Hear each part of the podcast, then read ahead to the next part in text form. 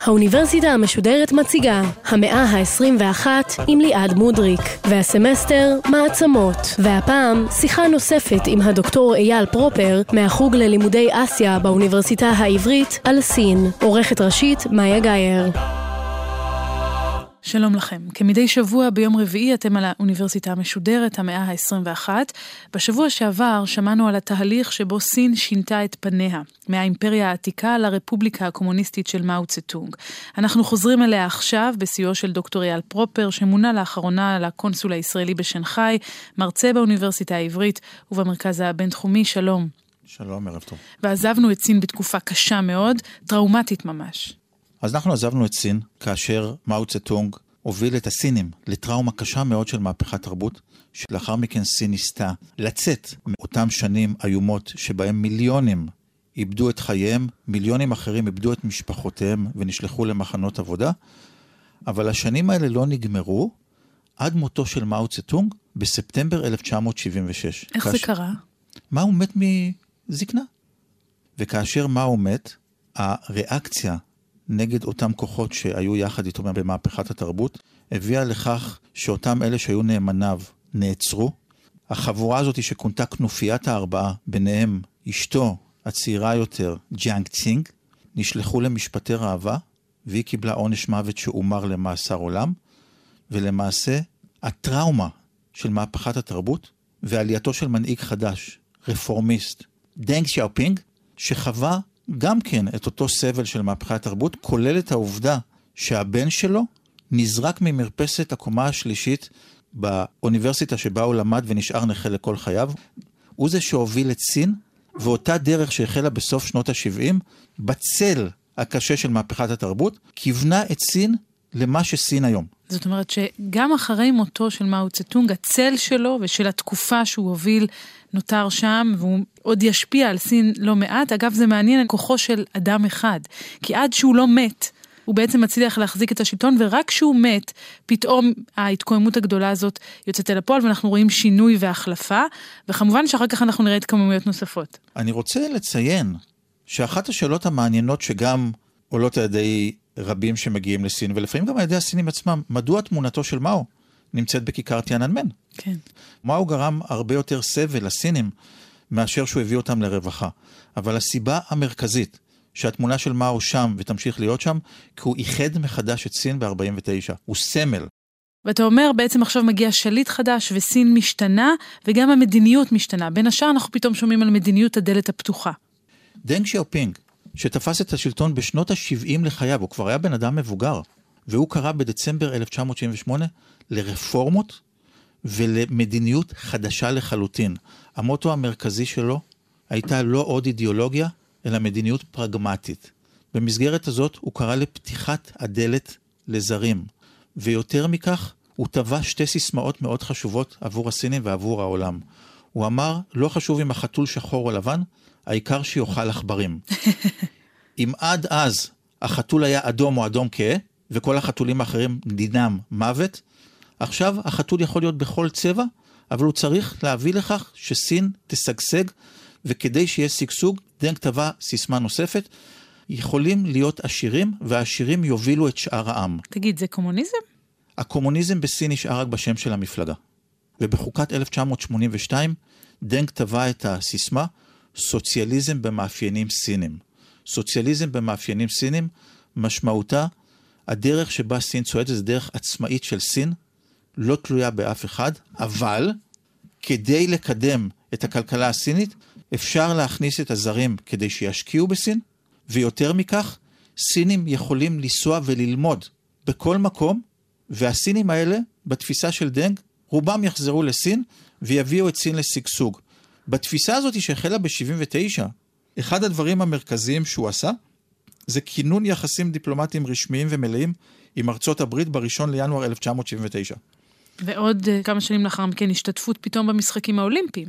ב-1984, דוגמה נהדרת של שינוי מדיניות, עד אז סין החרימה את המשחקים ואמרה זה משחקים שהם לא בתפיסה הקומוניסטית. ב-1984 ארצות הברית אירחה את המשחקים האולימפיים בלוס אנג'לס וברית המועצות קראה להחרמת המשחקים, סין רצתה להראות שהיא לא ברית המועצות, והיא כן עם ארצות הברית, והיא לראשונה בהיסטוריה שלחה משלחת למשחקים האולימפיים בלוס אנג'לס.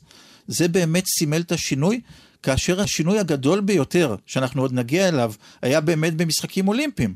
כאשר סין ב-2008 אירחה את המשחקים האולימפיים. כן, בהחלט. אז אנחנו יכולים לראות איך ההיסטוריה מתנהלת אה, והמהלך שלה מתחיל אולי בקטן ואחר כך התפתח, אבל יש משהו שמבלבל אותי קצת. כי אתה מתאר מין תקופה של פתיחות, ועכשיו הכל נשמע יותר ליברלי, אבל אני זוכרת 89, כיכר טיאננמן, זה לא נשמע כאילו סין היא איזו אה, מעצמה ליברלית אז. בוא ניזכר בקולות, ואז נמשיך משם.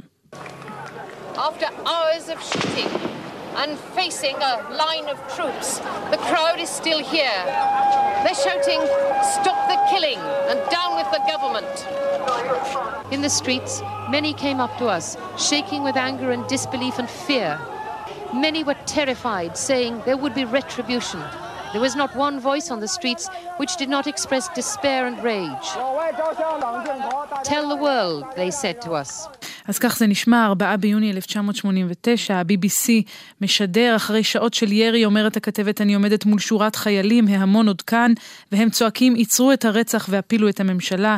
ברחובות, היא אומרת, הרבה אנשים ניגשו אלינו, רועדים מכעס, מחוסר אמון ומפחד, רבים מהם מבועטים ואומרים שעוד יגיע עונש. לא היה אף כל אחד ברחובות שלא הביע ייאוש וזעם, וביקש, ספרו לעולם. אז על מה הם מוחים? דנק טבע את הסיסמה המפלגה תשלוט עוד במאה השנים הבאות. והוא היה נחרץ יחד עם כל בכירי מפלגתו, ששינוי אחד לא יהיה בסין. סין לא תשנה את המשטר החד-מפלגתי. הצעירים שמחו ב-89 זה אותם צעירים שגם מחו ב-87 נגד העובדה שהחלו רפורמות כלכליות. סין נפתחת לעולם, אבל הם למעשה דורשים יותר מקומות עבודה, ויותר מכך, הם טענו שרק מי שקשור למפלגה מקבל תנאים יותר טובים, ורצו לעצור את השחיתות. כן. אבל דנג, בתפיסה שלו, לא רצה לחזור לימים של מהפכת התרבות. והוא גם אמר לאחר מכן, סין, אסור לה להיכנס לתוהו ובוהו. דנג העדיף לשלם מחיר כבד, חד פעמי, וההיסטוריה הוכיחה שבסופו של דבר זה היה חד פעמי. מאות ואלפים רבים, עד היום לא יודעים את המספר, נהרגו בכניסה של הצבא לטיאננמן ולערים מרכזיות אחרות, צריך לזכור שהמהומות היו ב-220 ערים ברחבי סין. כן. אבל דנג אמר שזאת הדרך היחידה לא לחזור למה שהיה פעם, אלא הדרך היחידה להחזיר את סין למסלול הרפורמות. והדבר הנוסף, שחייבים לזכור את הקונטקסט הבינלאומי. באותה תקופה, מדינות שקשורות לברית המועצות החלו ליפול אחת-אחת. כן. ברית המועצות החלה להתפרק. הסינים לא רצו לראות את זה קורה להם, אבל היה כאן גם מחיר מאוד משמעותי מבחינת יחסי החוץ שהוא פתאום רוצה לפתח, כי התמונות האלה של הצעירים המפגינים שעומדים מול הטנקים, שודרו בכל העולם ופגעו קשות בתדמיתה של סין. אני חושב שטבח טיאננמן, הסינים דרך אגב קוראים לזה אירועי טיאננמן, ועד היום, כמעט 30 שנה לאחר מכן, הממשל הסיני מסרב בתוקף להכיר באחריותו לטבח, וגם להגיד כמה אנשים נפגעו. צריך לזכור שהפגיעה בסין, בדיוק איך שדנק חזה, הייתה קצרת מועד.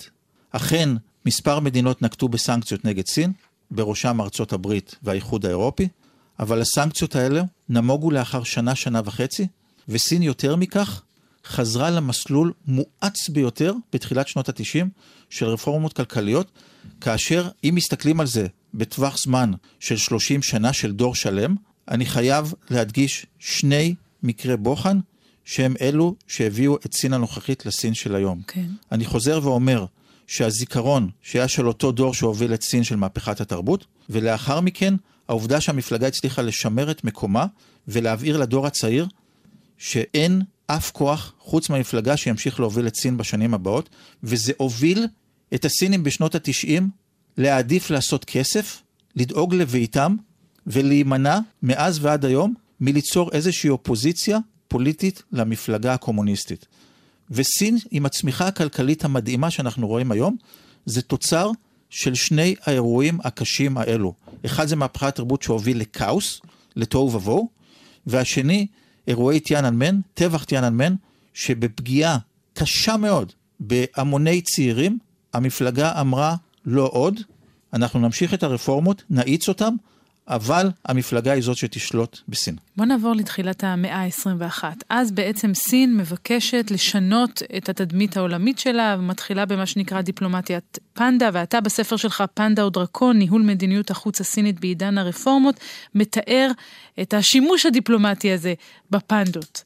הפנדה כמטאפורה, בעצם. חשוב לי לחזור ולומר שדנג הפעיל את הדיפלומטיה מיד לאחר אירועי טיאננמן, ובמקום להיכנס לבידוד, מה שנעשה בעבר, וראינו את זה בכל מיני דוגמאות, גם בפרק הקודם וגם בשנים קשות של סין, כן. שבהם הריאקציה הראשונה של הממשל הייתה לבודד את עצמו מהעולם החיצון, הפעם דנג אמר, אנחנו הולכים לדרך אחרת של יותר התקרבות לעולם, והתקרבות גם למדינות שעד אז לא היו לנו יחסים. בין היתר, נפילתה של ברית המועצות וההחלטה להתקרב לכל המדינות בעולם, הביאה לכך שבינואר 1992, אחרי היסוס של הרבה מאוד שנים, סין כוננה יחסים דיפלומטיים עם ישראל. וזה גם הוביל אותי לשם בפעם הראשונה ב-1992. והשימוש בדיפלומטיה היה חלק מהכלים שבהם סין השתמשה והאיצה את הדרך שלה משנות ה-90 ולאחר מכן בצורה חזקה יותר, רחבה יותר, בעשור האחרון או ב-20 השנים האחרונות. בין היתר, סין החליטה שאם בעבר היא לא הייתה חלק מהאו"ם או מארגונים בינלאומיים, עכשיו סין לא רק צריכה להשתלב בהם, אלא אולי אפילו להיות מובילה באותם ארגונים. אבל למה פנדה? כי היא נחמדה? כי אוהבים אותה? פנדה היא חיה חמודה, אני לא רואה מישהו שיכול להסתכל על פנדה ולא לאהוב אותה. וגם הסינים מודעים לזה. ופנדה ייחודית לסין, אין באף מקום אחר חוץ מחבל סצ'ואן ואזור טרום סין, מקום שבו גדלות פנדות. ולכן הסינים עושים שימוש אמיתי בפנדות לדיפלומטיה. במהלך שנות ה-70 סין נתנה במתנה פנדות, לדוגמה, לאחר ביקור ניקסון ב-1972, במהלך הביקור ראש ממשלת סין ז'ואן לאי אמר לאשתו של ניקסון, פט ניקסון, אני אתן לך מתנה פנדה, ולכן לאחר מכן מיד נתנו מתנה פנדה. אם כבר הזכרת את ביקור ניקסון, אז במקרה יש לנו את הקטע שבו ניקסון מכריז על ביקורו בסין, בואו נשמע. There can be no stable and enduring peace without the participation of the People's Republic of China and its 750 million people. That is why I have undertaken initiatives in several areas to open the door for more normal relations between our two countries. אז אומר אז ניקסון שסין הכרחית כדי שיהיה שלום מתמשך ויציב, וזה מוביל אותי אולי לנושא אחר שחשוב שנתמקד בו, והוא סין כמעצמה. מתי היא הופכת להיות מעצמה עולמית? אני חייתי בסין בשתי תקופות מאוד מעניינות, מיד אחרי טיאננמן ב-92 ולאחר מכן ב-2002. ואחד הדברים שאפיינו את התחושות שלי כדיפלומט, שאם ב-1992 סין יצאה מהטראומה של אירועי טיאננמן, ועדיין הייתה מדינה שמי שחי שם ראה איך היא מתפתחת ואיך יש בנייה מואצת וכדומה, אף אחד עדיין לא כינה אותה מעצמה. לאחר מכן, מ-2000 והלאה, החלו רבים, גם באקדמיה וגם בסין ומחוץ לסין, לכנות את סין מעצמה. ובשנים האלה, כאשר אמרו לסינים שהם מעצמה, הם אמרו, אנחנו לא מעצמה, אנחנו מדינה גדולה. אנחנו לא מעצמה. אבל התחושה, יכולת לראות גם בשפת הגוף וגם בדרך שבה הסינים מבליטים את החשיבות שלהם, שהתפיסה הזאת שהם מעצמה מחלחלת אט אט פנימה. בזכות, ו... אבל רגע, רק כדי שאני אבין, בזכות הכסף הם מעצמה? בזכות, בזכות התפקיד הכלכלי שלהם בעולם? בזכות העוצמה הכלכלית שתורגמה גם לעוצמה פוליטית. סין כמדינה מרכזית באו"ם, צריך לזכור שבעשור הקודם ארצות הברית נתפסה על ידי מדינות רבות כמדינה בירידה, היא נקלעה למלחמה לא פשוטה בעיראק ובאפגניסטן, ובאותם שנים סין צברה עוצמה כלכלית, רזרבות המטבע שלה גדלו וגדלו עד לשלב של מעל טריליון דולר ברזרבות מטבע, חלק גדול מהכסף היה אגרות חוב אמריקאיות, והתחושה הייתה שסין צוברת הון, ובהון הזה היא גם רוכשת עוצמה מדינית. אבל איך אתה מסביר את הצמיחה הכלכלית המטורפת הזו? זה פשוט כוח העבודה הזול, שפתאום הכל made in China? זה התחיל עם כוח עבודה זול, ועם הבנה שסין יכולה לבנות באופן שיטתי תעשייה, שבהתחלה הייתה תעשייה קלה של לואו-טק, ולאחר מכן, ובעיקר בשנים האחרונות, תעשייה מתקדמת, כאשר מה שמאפיין את סין במהלך כל 30 השנים האחרונות, ומה שמאפיין אותם גם עכשיו, זה בנייה שיטתית של מפעלים, של תשתיות, מה שאין במדינות אחרות, כן. והתשתית הזאת שהם בנו, עם כוח עבודה רחב, כל שנה מסיימים את האוניברסיטאות בסביבות 15 מיליון סטודנטים. ו-15 מיליון סטודנטים האלה דורשים עבודה. אז בהתחלה הם היו צריכים כוח עבודה זול, וזה אותם אנשים שהגיעו מהכפרים ועברו מאות מיליונים מהכפרים לערים. ובשנים האחרונות הם נזקקים יותר ויותר לכוח עבודה מתקדם יותר, ואותם בוגרי האוניברסיטאות הם אלה שנותנים להם אותו כוח עבודה, ולכן סין תמשיך, גם אם לא באותו קצב מטורף של 13% צמיחה, או מעל 10% צמיחה, סין בשנה האחרונה עשתה בין 6 ל-7 אחוזי צמיחה, והיא תמשיך בדרך הזאת בגלל שהדרך השיטתית ממשיכה, ויש פה איזושהי מדיניות כוללת ותפיסה שבאה מתוך המפלגה והממשל, מתוך תוכניות חומש ומתוך אפשרות של סין, סין יכולה להרשות לעצמה, והיא גם ככה פועלת, לבנות תוכניות לטווח ארוך. והממשל מכתיב תוכנית לחמש שנים, יש להם תוכנית חומש. בגלל היציבות השלטונית? בין היתר, באופן ברור בשל היציבות השלטונית, למרות מה שנראה בעין, סין לא משקיעה כמות רבה יחסית באחוזים של כסף בצבא, אלא מתוך הכסף הרב שיש להם, הם משקיעים הרבה מאוד במדע וטכנולוגיה, מפתחים את האוניברסיטאות. רק השנה לומדים יותר מ-400 אלף סטודנטים סינים בארצות הברית. חלק מהסטודנטים האלה יישארו בארצות הברית, כן. אבל חלק גדול מהם יחזרו ויהיו כוח העבודה הבא, המתקדם של סין, כי הם מבינים שבסין יש להם אופק. והאופק הזה ויציבות שלטונית שיש כיום, מאפשרים לסין את הצמיחה. אבל הצמיחה הזו מתרגמת גם לרווחה, כי אנחנו הרי מכירים את הסיפורים על העוני החריף בחלק מהכפרים שאפילו לא מחוברים לחשמל וכיוצא באלה. אם את זוכרת, דיברנו על הקיסרויות, אותם קיסרויות ששלטו בסין ואמרו אנחנו צריכים לתת רווחה אחרת ניפול. וכך גם היום, המפלגה ששולטת מבינה שהדרך היחידה להמשיך ולשלוט לאורך זמן זה לתת רווחה כלכלית ולהוציא אנשים מהעוני. והמספרים מוכיחים את זה. אם בסין היו מאות מיליונים של אנשים מתחת לקו העוני, היום מדובר עדיין במשהו כמו 100 מיליון, או אולי יותר מ-100 מיליון, ומספרים הרבה פעמים משקרים בסין, אבל בוודאי ובוודאי במספרים נמוכים בהרבה מהמספרים של העבר. השיטה של השלטון לבדוק מדי פעם איפה הם טועים ואיפה צריך להשקיע את הכסף. בין היתר, תוכנית החומש הקודמת, הם הבינו שיש בעיה קשה בפערים שנוצרים בין המזרח העשיר, כן. האזור של שנגחאי וערי החוף, לבין ערי הפנים, הפרובינציות הפנימיות של סין, שבהם עדיין הפיתוח לא היה מספיק גדול, והם יצאו בסיסמה Go West. והסיסמה Go West אמרה שהממשל המרכזי מבייג'ין מכוון את הכסף לתוך סין פנימה.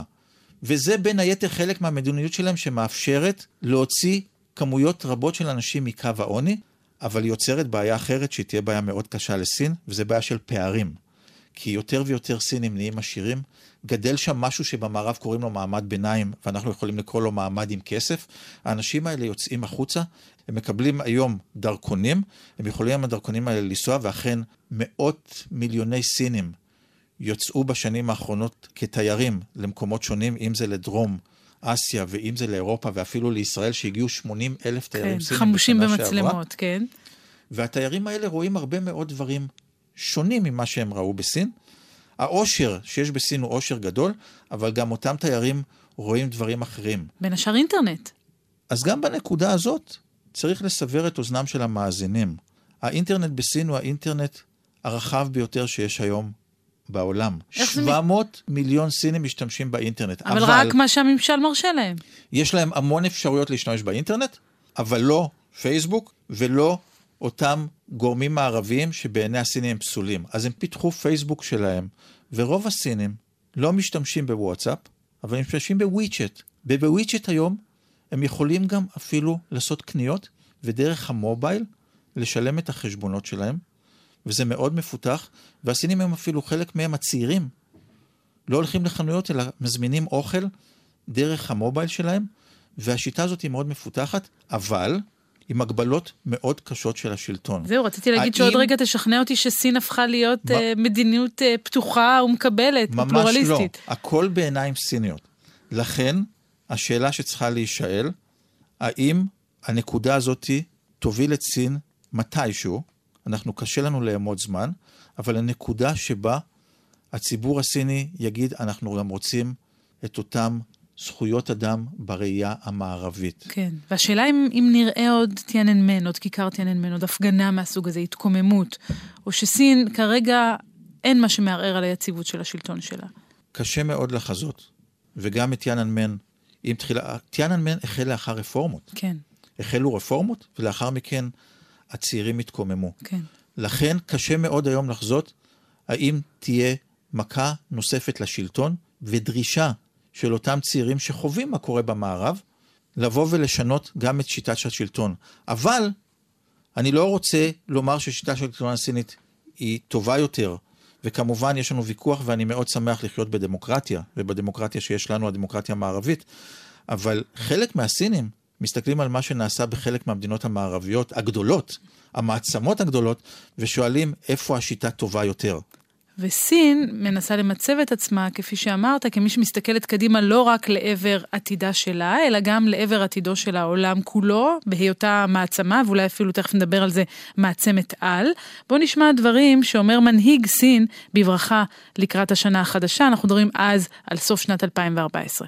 中国人民关注自己国家的前途， 也关注世界的前途。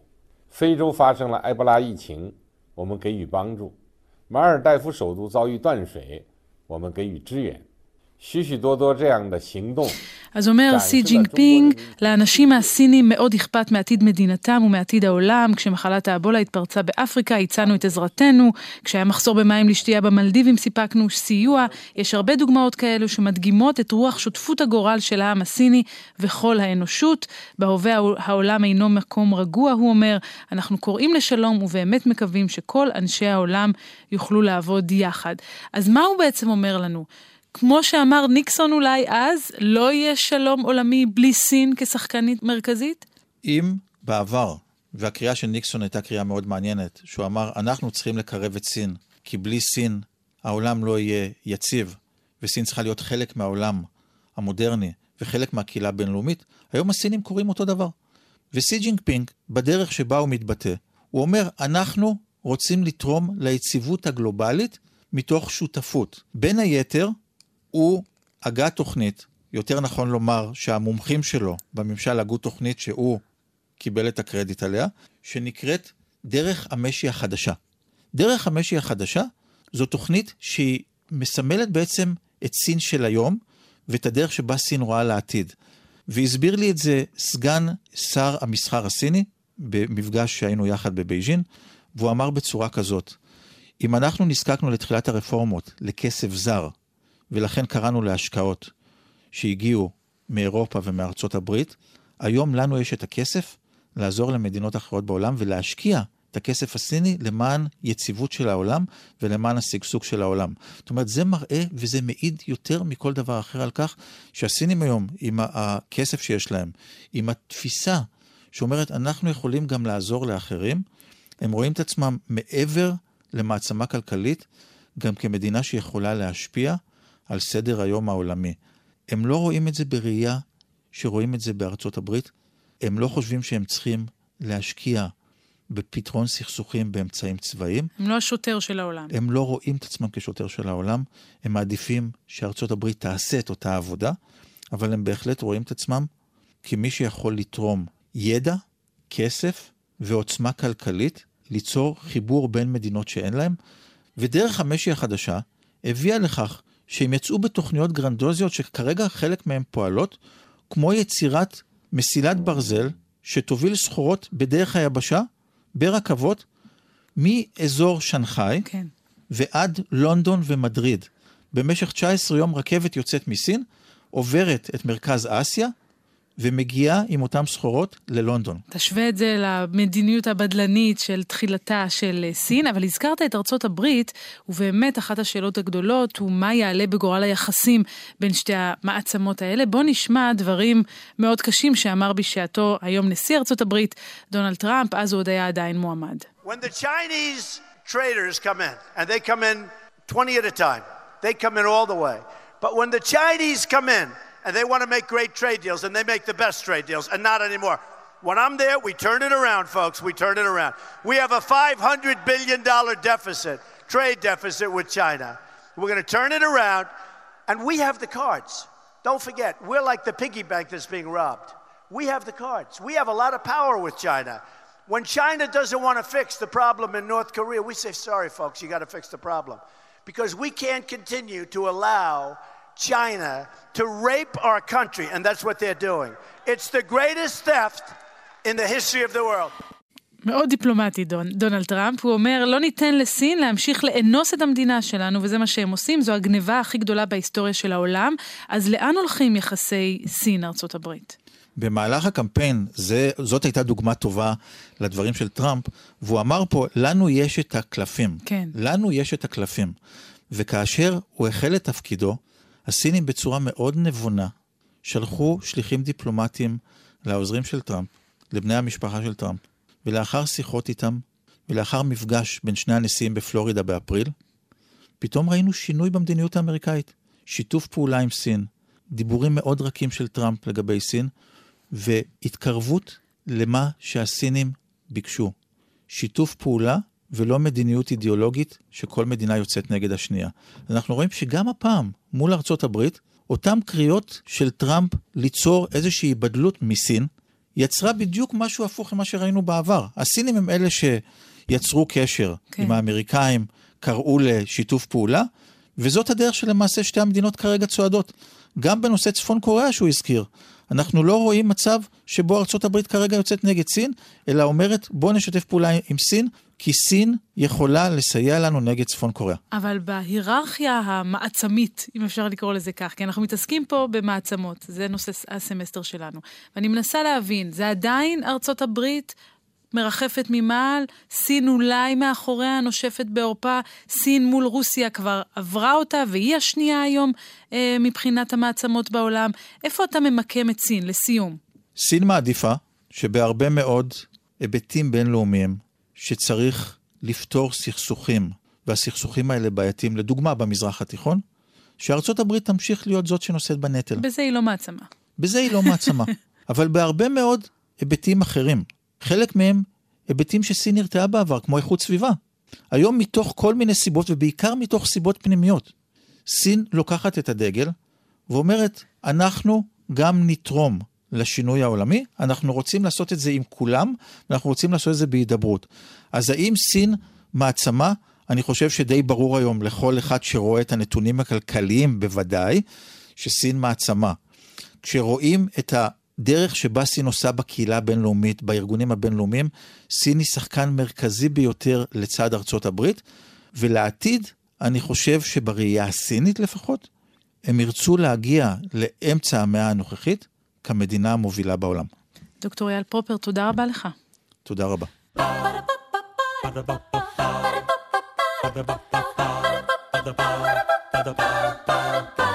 האוניברסיטה המשודרת המאה ה-21. ליעד מודריק שוחחה עם הדוקטור אייל פרופר מהחוג ללימודי אסיה באוניברסיטה העברית על סין. עורכת ראשית מאיה גאייר. עורכות ומפיקות תום נשר ונוגה קליין. מפיקה ראשית יובל שילר. מנהלת תוכן מאיה להט קרמן. עורכת דיגיטל עירד עצמון שמייר. האוניברסיטה המשודרת בכל זמן שתרצו, באתר וביישומון של גל"צ, וגם בדף הפייסבוק של האוניברסיטה המשודרת. ba da.